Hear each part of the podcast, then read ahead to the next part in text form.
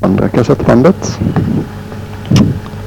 Och eh, som sagt, eh, Venerable Tanutaro, han som visade er runt när man pappa var här och som då redan var på väg in i munklivet. Han, eh, hans mamma lustigt nog, hon sa ingenting utan hon tog in honom eh, i hallen. Och han eh, han eh, tappade också sansen rätt mycket. Efter att de hade liksom fått kroppen därifrån och så, så satt han under natten så satt han på marken under den platsen där hans pappa hade hängt sig. Och eh, i tre timmar så satt han helt stilla, helt förlamad. Totalt okänslig, all som helst kroppslig förnimmelse bara försvann. Var kall och bedövad liksom. Oerhört otäckt sa han.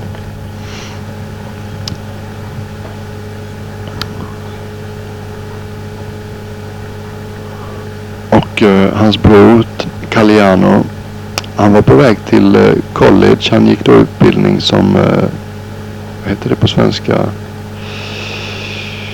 Psykoterapeut, nej fysioterapeut. De som hjälper folk som har haft skador och hjälper dem med kroppsligt, med övningar. Fysio, fysio. Ja, ni vet vad jag menar. Och så helt plötsligt så kände han, nej, idag ska jag inte åka till college. Vilket var en väldigt konstig ingivelse för det gjorde han alltid. Han brukade inte skolka. Och eh, så när han satt på tunnelbanan efter det beslutet så helt plötsligt så fick han en oerhört, han hade ganska ont i halsen eller ont i nacken, han hade lite nackbekymmer. Och helt plötsligt så fick han en skarp, skarp smärta i, i halsen i nacken. Som bara varade någon minut eller två. Men var riktigt intensivt och han satt alldeles stilla. Det var helt oförklarligt. Satt stilla på tunnelbanan. Och helt plötsligt en knivskarp smärta i nacken. Som varade en minut eller två och sen var det över. Och det var precis den tiden som hans pappa hade hängt sig.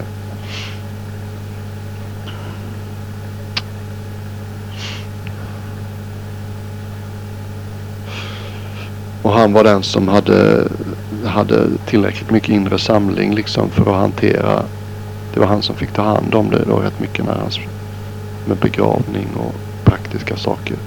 Både hans bror och hans mamma liksom tappade greppet rätt mycket. Och det var lustigt. Det fanns en parallell då Adjan Suchito i sina tidiga år som munk. Uh, när han, han levde ensam. Då hade ingenting med Ajahn Chah-traditionen att göra. Utan levde i Thailand i en liten hydda de första åren.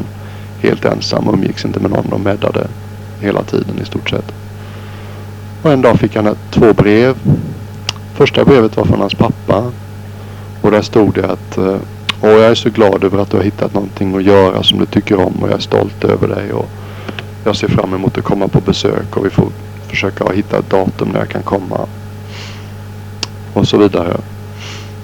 Och eh, det andra brevet var från hans bror och det var ett telegram. Och där stod det eh, Se till att ordna eh, och komma hem omedelbart. Pappa har dött. Gått bort på något sätt. Och det enda Adrian Suchito kunde göra i det läget liksom. Han fann sig helt oförmögen att tänka klart eller göra någonting. Det enda han kunde göra var att tända ett ljus. Och när Venerable Caliano kom hem och möttes av synen, sin pappa hängandes i, i hallen. Och sin bror och sin mamma eh, förstås förtvivlade. Det enda han fann sig kunna göra det var att tända ett ljus. Han hade aldrig hört talas om att det var, det var Adjan Suchito hade gjort. Men lustigt att precis samma reaktion. Deras mamma har på många sätt en ganska hon har lite speciell relation till, till, till klostret. Det är liksom båda hennes söner, det är de enda barnen hon har och båda hennes söner har blivit munkar. Hon sa till Vivian, den här tanten som jag tänkte att mamma skulle följa med hem till en dag. Som jag tycker är väldigt trevlig. Uh, att det, på sätt och vis är det, det är väldigt jobbigt att bägge mina söner är munkar på många sätt. Men det är också på många sätt det är alldeles underbart. Tyckte jag var ett klok, insiktsfull kommentar. Adjan Amaro munken med den jättestora näsan som talar med mamma och pappa i, i tältet. Som bor i Amerika numera. Han var inblandad. Han var så rörd av hur familjen skötte begravningen och allting. Så att han följde med hem och var, deltog i begravningen och sjöng, sjöng någonting på begravningen. Om ni läser i boken Silent Rain. Den tjocka svarta boken som Adjan Amaro har skrivit. Så har han skrivit en essä där eller en kort betraktelse om hur det var på den begravningen. Jag vet inte om det kan heta Funeral eller någonting sånt. Och bland annat finns där ett väldigt vackert kort, en väldigt vacker kort dikt. Eh, som är skriven av, det står Alan Price tror jag som, och det är Venerable Caliano, han var då lekman på den tiden. Han skrev just en dikt eh, i samband med sin pappas begravning om hur han kände och vilket han tyckte var liksom rätt förhållningssätt till, till sin pappas bortgång. Och de hade liksom haft det väldigt vackert hemma. De hade bestämt sig för att ha en slags väldigt öppen attityd. Så de hade kistan hemma i några dagar. Och så fick folk bara komma och prata och det fanns liksom mat och dryck tillgänglig. Och det fanns en massa levande ljus och folk kom liksom och tände ett ljus. Det var det sättet som man högtidlighöll den här fina mannens minne. Och kyrkan, själva begravningen hade varit en oerhört vacker tillställning tydligen. Väldigt många vänner och väldigt älskad den här mannen. Väldigt liksom mild och omtänksam. Och Adjan Amara var liksom djupt rörd av hur fint de hade genomfört den här oerhört tragiska händelsen. Ganska häpnadsväckande hur, eh, hur liksom otäckt eh, otäckt eh, icke-deltagande. General Electric hade inte ens sänt en representant eller inte ens ett kondoleanstelegram eller någonting.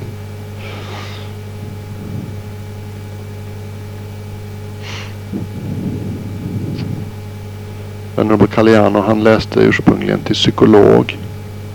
Men upptäckte så småningom att han hade inte speciellt mycket förtroende varken för psykologi eller för psykologer eller för den psykoterapeutiska metoden att arbeta. Så han skolade om sig till något mycket mer handgripligt. Uh, vad heter det på svenska? Åh, oh, så irriterande. Uh, jag måste faktiskt stänga av och tänka lite. Jag vet inte, det kan heta fysioterapeut. Jag kommer inte riktigt. Jag har ingen klar, klar insikt om det.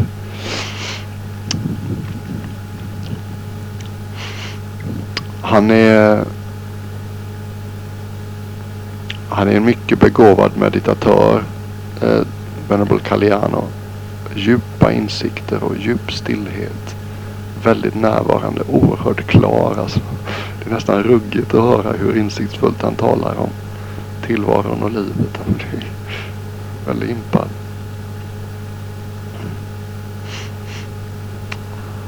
Det är väldigt härligt att umgås med så totalt samlade människor som de är liksom helt närvarande hela tiden känns det som. Han går igenom en väldigt svår period nu för han har, han har en, haft problem med sin rygg i många år. Och han har sträckt en nerv så att han är rörelsehindrad och har varit i flera veckor. Kan nästan inte sitta alls och kan bara gå korta stunder. Han kan egentligen inte behålla någon kroppsställning eh, speciellt länge så han kan få ingen lång sammanhängande sömn på natten utan han kan liksom somna till en timme, en och en halv timme. Så måste han ställa sig upp en stund. När han har stått en stund så måste han gå. När han har gått en stund så måste han sitta. När han sitter en stund måste han ligga. Det liksom Eh, ganska väldigt påfrestande. Och det blir inte speciellt mycket bättre eller det blir bättre väldigt långsamt. Och en sida av svårigheterna är att han han är så kunnig om det. Dels från sin tai chi expertis och dels från sin kunnighet om den mänskliga kroppen från många år som fysioterapeut. Han var väldigt framgångsrik och duktig terapeut som fick väldigt mycket ansvar väldigt snabbt. Och vet precis, vet mycket om hur människokroppen fungerar. Och därmed givetvis väldigt eh, liksom har mycket saker han testar och försöker göra för att det ska bli bättre. Olika hypoteser om vad det är som har gått snett. Och liksom, han går hos en osteopat heter det. Som är rätt duktig. Det är rätt intressant med en person som har arbetat många år på sjukhus. Och det är liksom komma vad som komma vill. Men han vill inte vara till sjukhus liksom. Vad som helst. Men låt mig inte, låt mig inte spendera tid på sjukhus. Ganska lite förtroende för modern västerländsk vetenskap. Eller medicinsk vetenskap. Tycker jag mig se. En del liksom. Men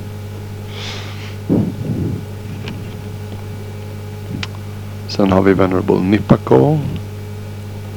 Det var förresten mamma den gamla härlige luffaren och proffsboxaren och restauratören och träkonstnären. Det är han som har fått eh, sandalerna som ni gav mig i julklapp. Som ni skickade så fint ifrån Sverige eller om det var England i julas. Först fick syster Tanja dem, den eh, nyzeeländska nunnan. Och sen dök hennes föräldrar upp på besök med ett par skor som de gav henne och då kände hon att hon ville använda dem som hennes föräldrar hade gett henne. Och då fick Venerable Tita Dammo skorna. Det var roligt att se att de kommer till nytta. Och han är sån här supergammaldags. Han är väldigt naturorienterad liksom. Eh, trä ska det vara, plast litar han inte på. Och moderna tvålar med parfym och sånt det kör han inte. Utan det ska vara gammalt. kärad. Den här tvål med kärlukt. Det är det enda han använder. Förälskad i trä.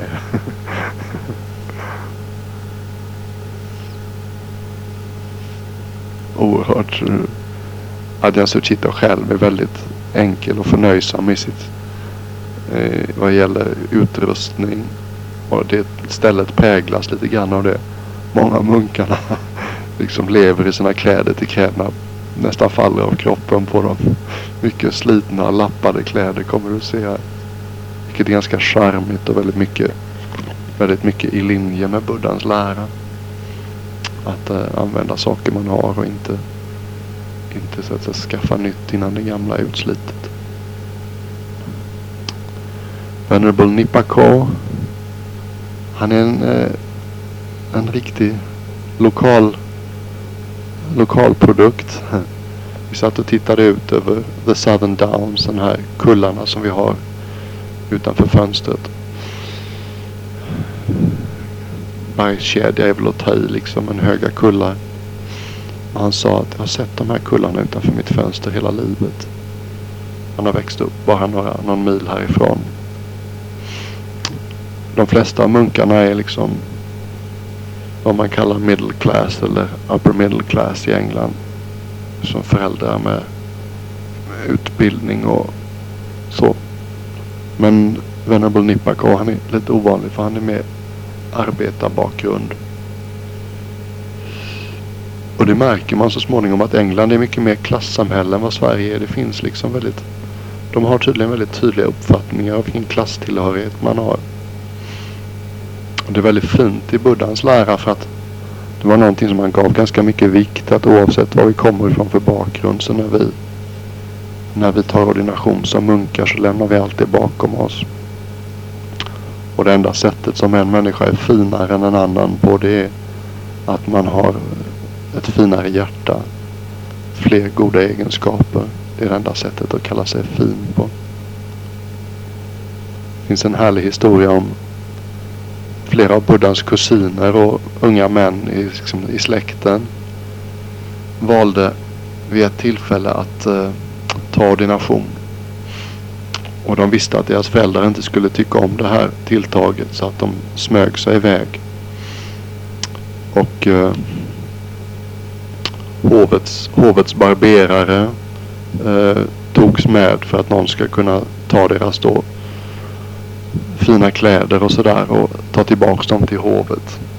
När de, men när de kom ut på, i skogen och lämnade alla sina fina smycken och kläder till eh, hovets barberare så sa han att eh, Men jag, jag kan inte gå tillbaks till hovet med det här. Om de kom, ser mig komma tillbaks med allt det här så kommer de tro att jag har rånat er och tagit alla de här sakerna. Det vågar jag, det går sig inte an. Jag vill också ta munkordination. så han hängde på. och när de kom till buddhan så, så, sa, så sa de här unga, unga prinsarna att eh, nu skulle vi vilja Buddha att du ordinerar eh, våran barberare först. Så att vi får möjlighet att träna oss i ödmjukhet genom att han är senior till oss.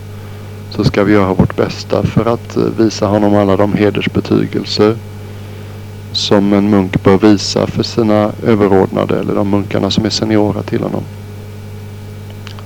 Och det visar väldigt mycket andan inom munkkåren att vi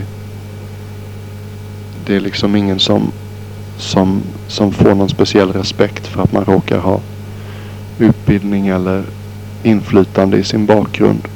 Utan eh, det tekniskt sett så visar vi respekt allihopa för varandra men då i linje med hur länge vi har varit munkar. Det är liksom det enda kriteriet. Och det är väldigt förädlande som jag har sagt många gånger tidigare att visa respekt för sina överordnade varken de förtjänar det eller inte. Det är nästan mer förädlande att göra det när de inte, man inte tycker de förtjänar det. En annan intressant kuriosa detalj det var att den här barberaren när han blev munk så var han den enda munken som inte tilläts ha sin egen, eh, sitt egen, sin egen rakkniv. Det är en standarddel i en munks utrustning. Han har sin egen rakkniv. Förutom för Opali som han hette. För detta barberaren.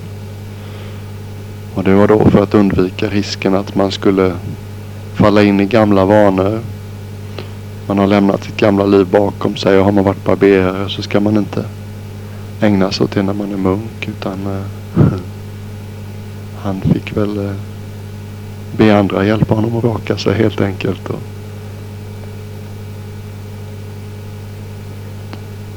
och Venerable Nipako, hans, eh, hans mamma var hans mamma var sömmerska. Alltid väldigt knapert hemma. Det var ganska rörande. Han berättade, en dag berättade han för mig att jag har aldrig varit på restaurang. Han har aldrig i hela sitt liv eh, varit, suttit ner och ätit en måltid på en restaurang. De hade aldrig råd med det. Man kunde få så mycket livsmedel liksom för de pengarna så det hade man aldrig råd att, att gå på restaurang och äta. Han har jobbat på restaurang. Disk och städat och sånt där. Och han har... Eh, sen han blev munk då så vid ett par tillfällen så har han varit på thailändska restauranger. Inte riktigt samma sak men. Men det är ganska rörande liksom att, att bli påmind om det. Herregud. Människor i, i modernt samhälle som aldrig har varit på restaurang. Man, eh, han fick skorna som mamma och pappa var så snälla och köpte åt honom. Så. Vid något tillfälle, inte så länge efteråt, så sa han Det här är de finaste skorna jag någonsin har haft i hela mitt liv.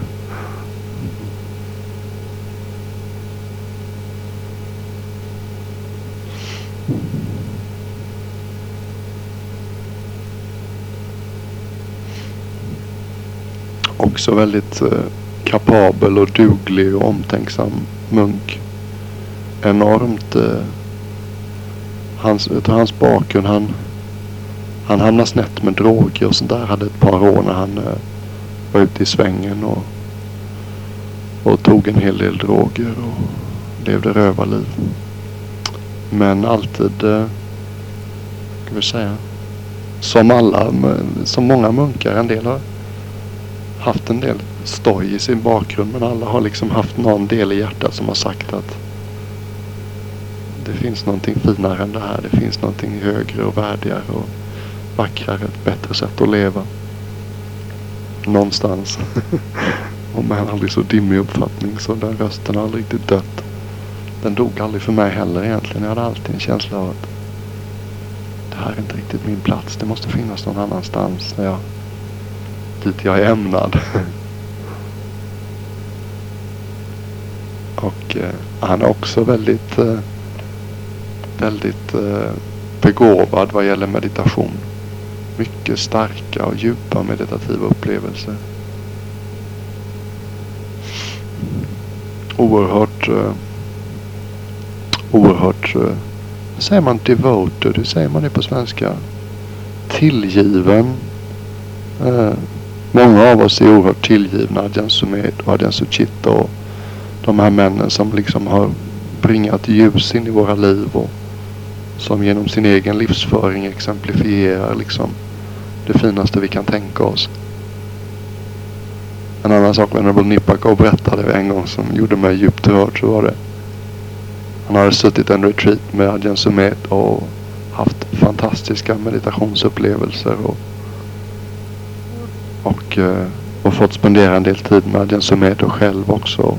Verkligen njutit av timmarna med Adjan Sumedo. Han var nog en ung munk vid det tillfället så han hade nog haft tid att lära känna Adjan Sumedo redan. Och så, så, så, och så, så sa han till Adjan Sumedo. Du är den första människan i hela mitt liv som har fått mig att känna mig riktigt älskad. Adjan Sumedo bara lyste upp av glädje och nästan fick tårar i ögonen tror jag. Och bara, Åh, härligt att höra.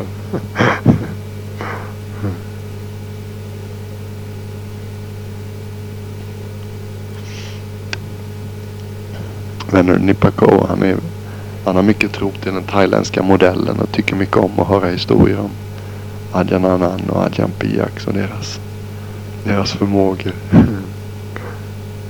Han kan ibland lida en del av folk som är lite slarviga och inte riktigt lika hundraprocentigt eh, fullt engagerad som han själv.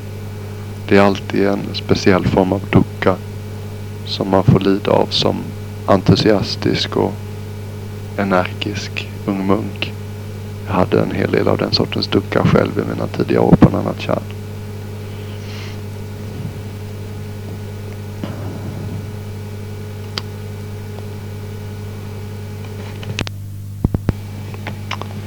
Sen har vi två noviser. Båda ganska mycket imponerande personer på var och en på sitt sätt. A Venerable Isra Mooney. En uh, ung man. Stor och stark och frejdig. En riktig jordens salt. han, är, han har haft en, en väldigt smärtsam uppväxt. Hans pappa var revisor och väldigt elak person. Det har ingenting att göra med att han var revisor. Det är vad jag vet om honom, att han var revisor att han var elak. Eh, som, som, som plågade Israel Mooney mycket. Slog honom ibland och liksom gjorde ner honom och liksom retade honom och spott och spe. Tydligen en väldigt liten människa som själv aldrig fick så mycket att säga till om i livet som han, som han skulle ha velat. Isra Muni själv är en väldigt klok och känslig och, och väldigt intelligent och vaken person. Ända sedan han började på college så har han gått på fem precepts ända sedan han var liksom i unga tonåren så hade han klart för sig att han ville bli munk. Men hans meditationslärare i den delen av England när han bodde sa vänta, gå till universitetet för att skaffa en utbildning åtminstone. Så att du har någonting att falla tillbaks på. Och han har levt efter fem levnadsregler ända innan han började på universitetet. Och stort sett inte druckit någonting eller rökt eller varit ute och nattsuddat. Väldigt oförstörd själ. Han är en av hans många intressen är poesi. Och han studerade eh, engelsk litteratur och poesi på universitetet. Hans, eh, hans avhandling handlade om eh, medeltida nordindisk religiös poesi. Kabir känner ni säkert till. Kabir var en väldigt berömd sufisk diktare i Indien, på norra Indien på medeltiden. Fantastiskt vacker kärlekspoesi. Och eh, Isra avhandling den vann pris faktiskt som den bästa i hela, i hela avgångsklassen. Han är en ganska livlig och robust och egensinnig natur som kräver en del livsutrymme. Han har varit novis nu i två år och han, han, han känner att han inte är riktigt redo för alla de 227 levnadsreglerna som munkar måste rätta sig efter utan trivs rätt bra med att vara novis. Han är väldigt jordig. Det är han som eh, tar hand och sätter fart i spisen på morgonen med veden och tycker om att hugga ved och såga träd. Och han lagar gröten varje morgon. väldigt så här, jordelementet är väldigt starkt i honom. Väldigt rolig. Alltid kvicka kommentarer.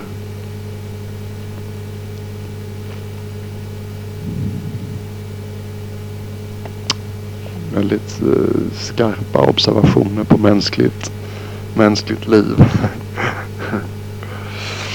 och sen har vi eh, Venerable Savako som ordinerade, tog novisordination precis innan regnperioden började. Väldigt kapabel fransman. Nordfrankrike. Och har ju mycket det där nordfranska lynnet liksom. Inte det där inte så latinsk utan kanske mer mellan centraleuropeisk i sitt linne.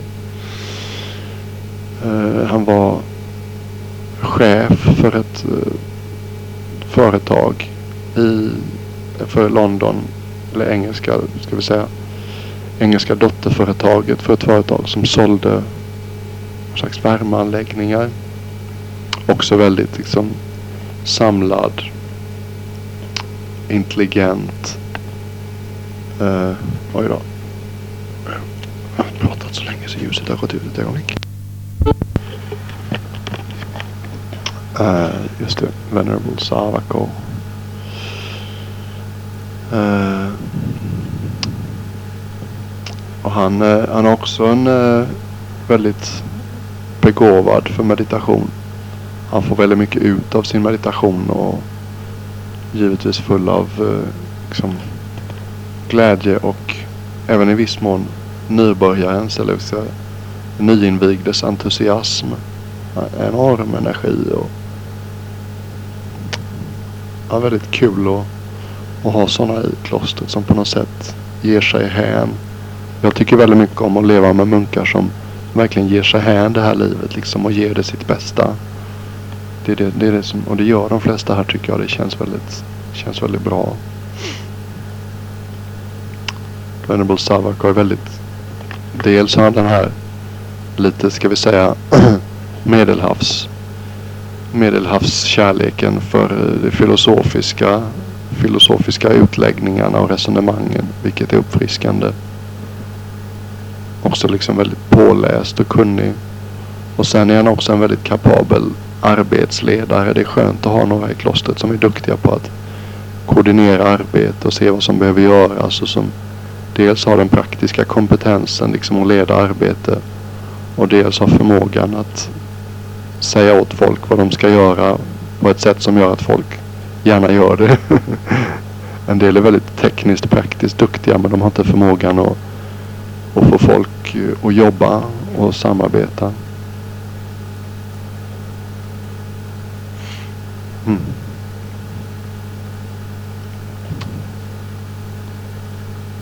Jag vill se om man kan komma ihåg vad namnen betyder. Savako. The hearkener, the listener, den som lyssnar. Savaka. Savaka Sanko. De som lyssnar i sangan. Isaramuni. Det betyder det fria, the free sage. Den fria vise. det fria helgonet. Kalyano betyder den gode. Den vackre. Vacker betyder den vackra inre kvaliteter.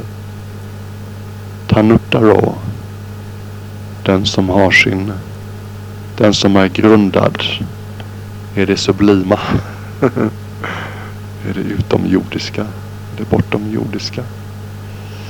Suchito. Den med ett vackert inre. Chitta är mind. Su är vackert eller gott. Tita Dammo, det vet katten vad det betyder. Tita, Tita Dammo, vet jag inte. Den som... Titta, titta, titta. Nej, vet inte vad det betyder. Nippako, vet jag inte heller vad det betyder. Karuniko, den medkännande. The compassionate one. Vira Dammo. Sanningens hjälte.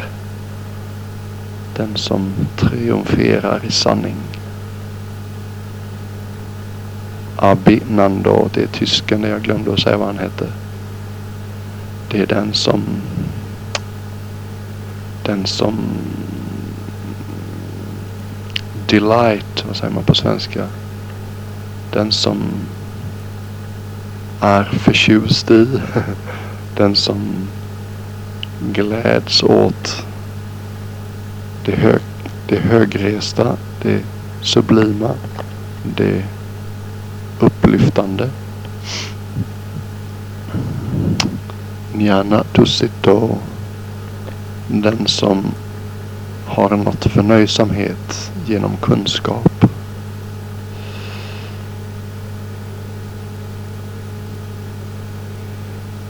Mitt namn är ganska roligt. Jag hade en möjlighet att träffa Bicko Bodhi när han var på Amaravati. Den här kometen på akademikerhimlen bland munkar. Och frågade honom och sa han, ah, det är nog ett misstag ditt namn. N och T och TH det är alltså inte vanliga utan de har prickar under sig och de här prickarna det betyder att man fäller tungan bakåt när man uttalar konsonanterna. Det är na. De konsonanterna fanns på pali. Så nej, det finns inget, finns inget paliord som börjar med det n med typ tungan tillbakavänd. Retroflex n kan man nä, nä, nä, det går. Det är nog ett misstag. Jaha, det var ju roligt. Och så sa han att men om man låt, tänker sig att det är ett vanligt N. Om man behåller pricken under T och TH. Då betyder det en som tidigare var vilse. Ja, det är ganska sympatiskt. Det tycker jag om. Det implicerar liksom att man inte är lika vilse längre också. Och sen sa han om man tar bort prickarna under alla konsonanterna. Då betyder det den som inte är. Och det är också väldigt eh, passande för en buddhistmunk. Med tanke på att vår uppfattning om att vi skulle kunna, att vi är en person med en viss identitet. Identifieringen med den personligheten, den är orsaken till många av våra bekymmer. Det är också en väldigt buddhistiskt namn, den som inte är. Så det finns många olika sätt att tyda mitt namn tydligen. Adjan Chanda Siri Abotessan Chanda Måne tror jag Chanda betyder. Och Siri betyder eh, glänsande, strålande. Den strålande månen. Tita Meda. Meda det betyder visdom. Su Medho betyder vacker eller god visdom. Tita Meda betyder någonting visdom. Syster Tanya. Tanya. Tana. Tanya. Nej, det vet jag inte vad det betyder.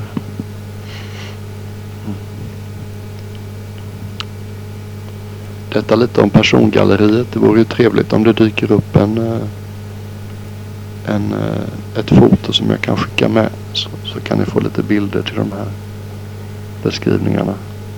Sen har vi också eh, ett Anagarikas pakaos som vi kallar dem i Thailand. Fyra stycken. Men som sagt, saker och ting ändrar sig ganska fort efter regnperioden är slut. Men jag, om mamma kommer hyfsat snart efter Katina så hoppas jag att det ska vara ganska oförändrad besättning.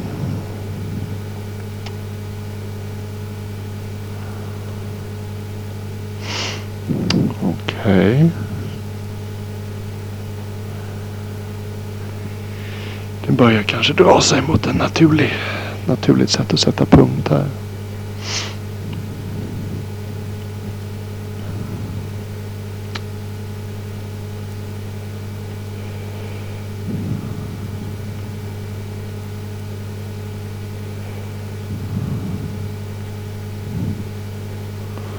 Och som sagt, jag ska kolla med nunnorna imorgon att det passar att mamma dyker upp här kanske den, säg 3 november eller någonting sånt.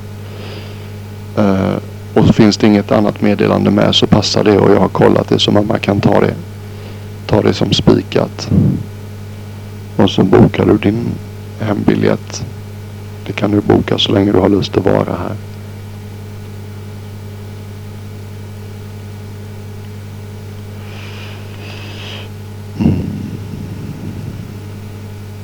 det är också trevligt att det är början av november för det kan vara som sagt lite höst, höstfärg kvar här. Nu kommer det bli lite eh, intressant, komplicerat kanske för vi kan ju inte vara ensamma då som du vet. Utan när vi går på promenader och sådär så får vi alltid ha någon annan med oss. Men det finns inga, det inga, det inga problem med det utan det finns alltid goda vänner som är beredda att hjälpa till med det.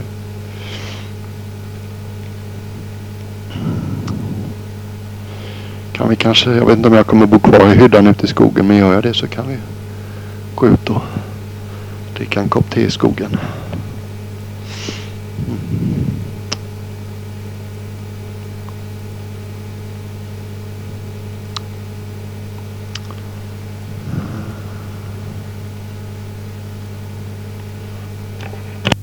Mm.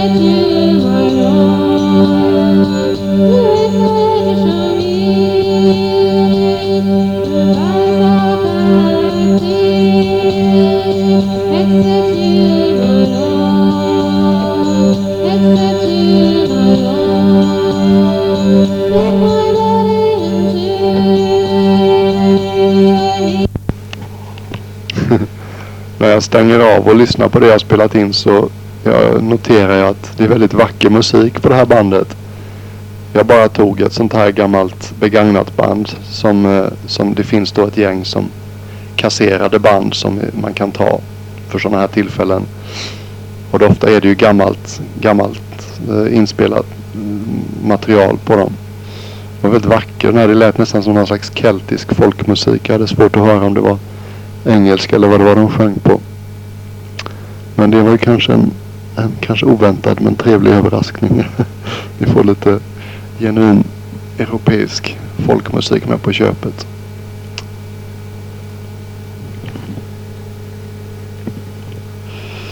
Så att eh, då önskar jag er allt väl. Och eh, hoppas ni får en fin höst. Och återigen eh, önskar jag Janne ett stort grattis på födelsedagen. Hoppas att du får en trevlig födelsedag. Och du ska veta att även om jag inte hör av mig då så kommer jag att tänka på dig. Både när jag mediterar och när jag inte mediterar och försöker skicka lite, lite goda, goda krafter åt ditt håll. och eh, jag gläds mycket åt vad jag hör från mamma och pappa.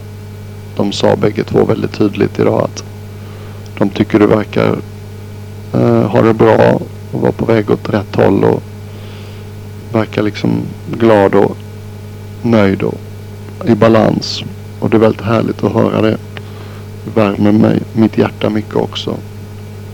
Skoj. Du är faktiskt den i familjen som har tagit mest intresse och läst dammarböcker och du börjar bli gammal erfaren meditatör nu. Du var med på McDonalds. Och du var med första sessionen i Lund. Och du var med på andra sessionen i Lund också. gammal ärrad. Gammal ärrad meddare. Hoppas att ska se om vi kan. Det blir väl snarare när mamma kommer på besök som man kan skicka hem en större kvantitet av Adjan Suchitas nya bok. Men när mamma kommer hem så har hon säkert med sig en kopia till dig. Jag har så himla ont om eh, pengar nu så jag vill liksom inte orsaka några portokostnader i onödan här. Och skicka en bok till Sverige. Det är ganska dyrt. Så att eh, det kanske får, jag får se hur det blir men eventuellt så jag får nog vänta med det till mamma kommer. Men eh, vi ska se till att skicka hem en bok i alla fall om det finns möjlighet till mamma och pappa så fort det dyker upp här.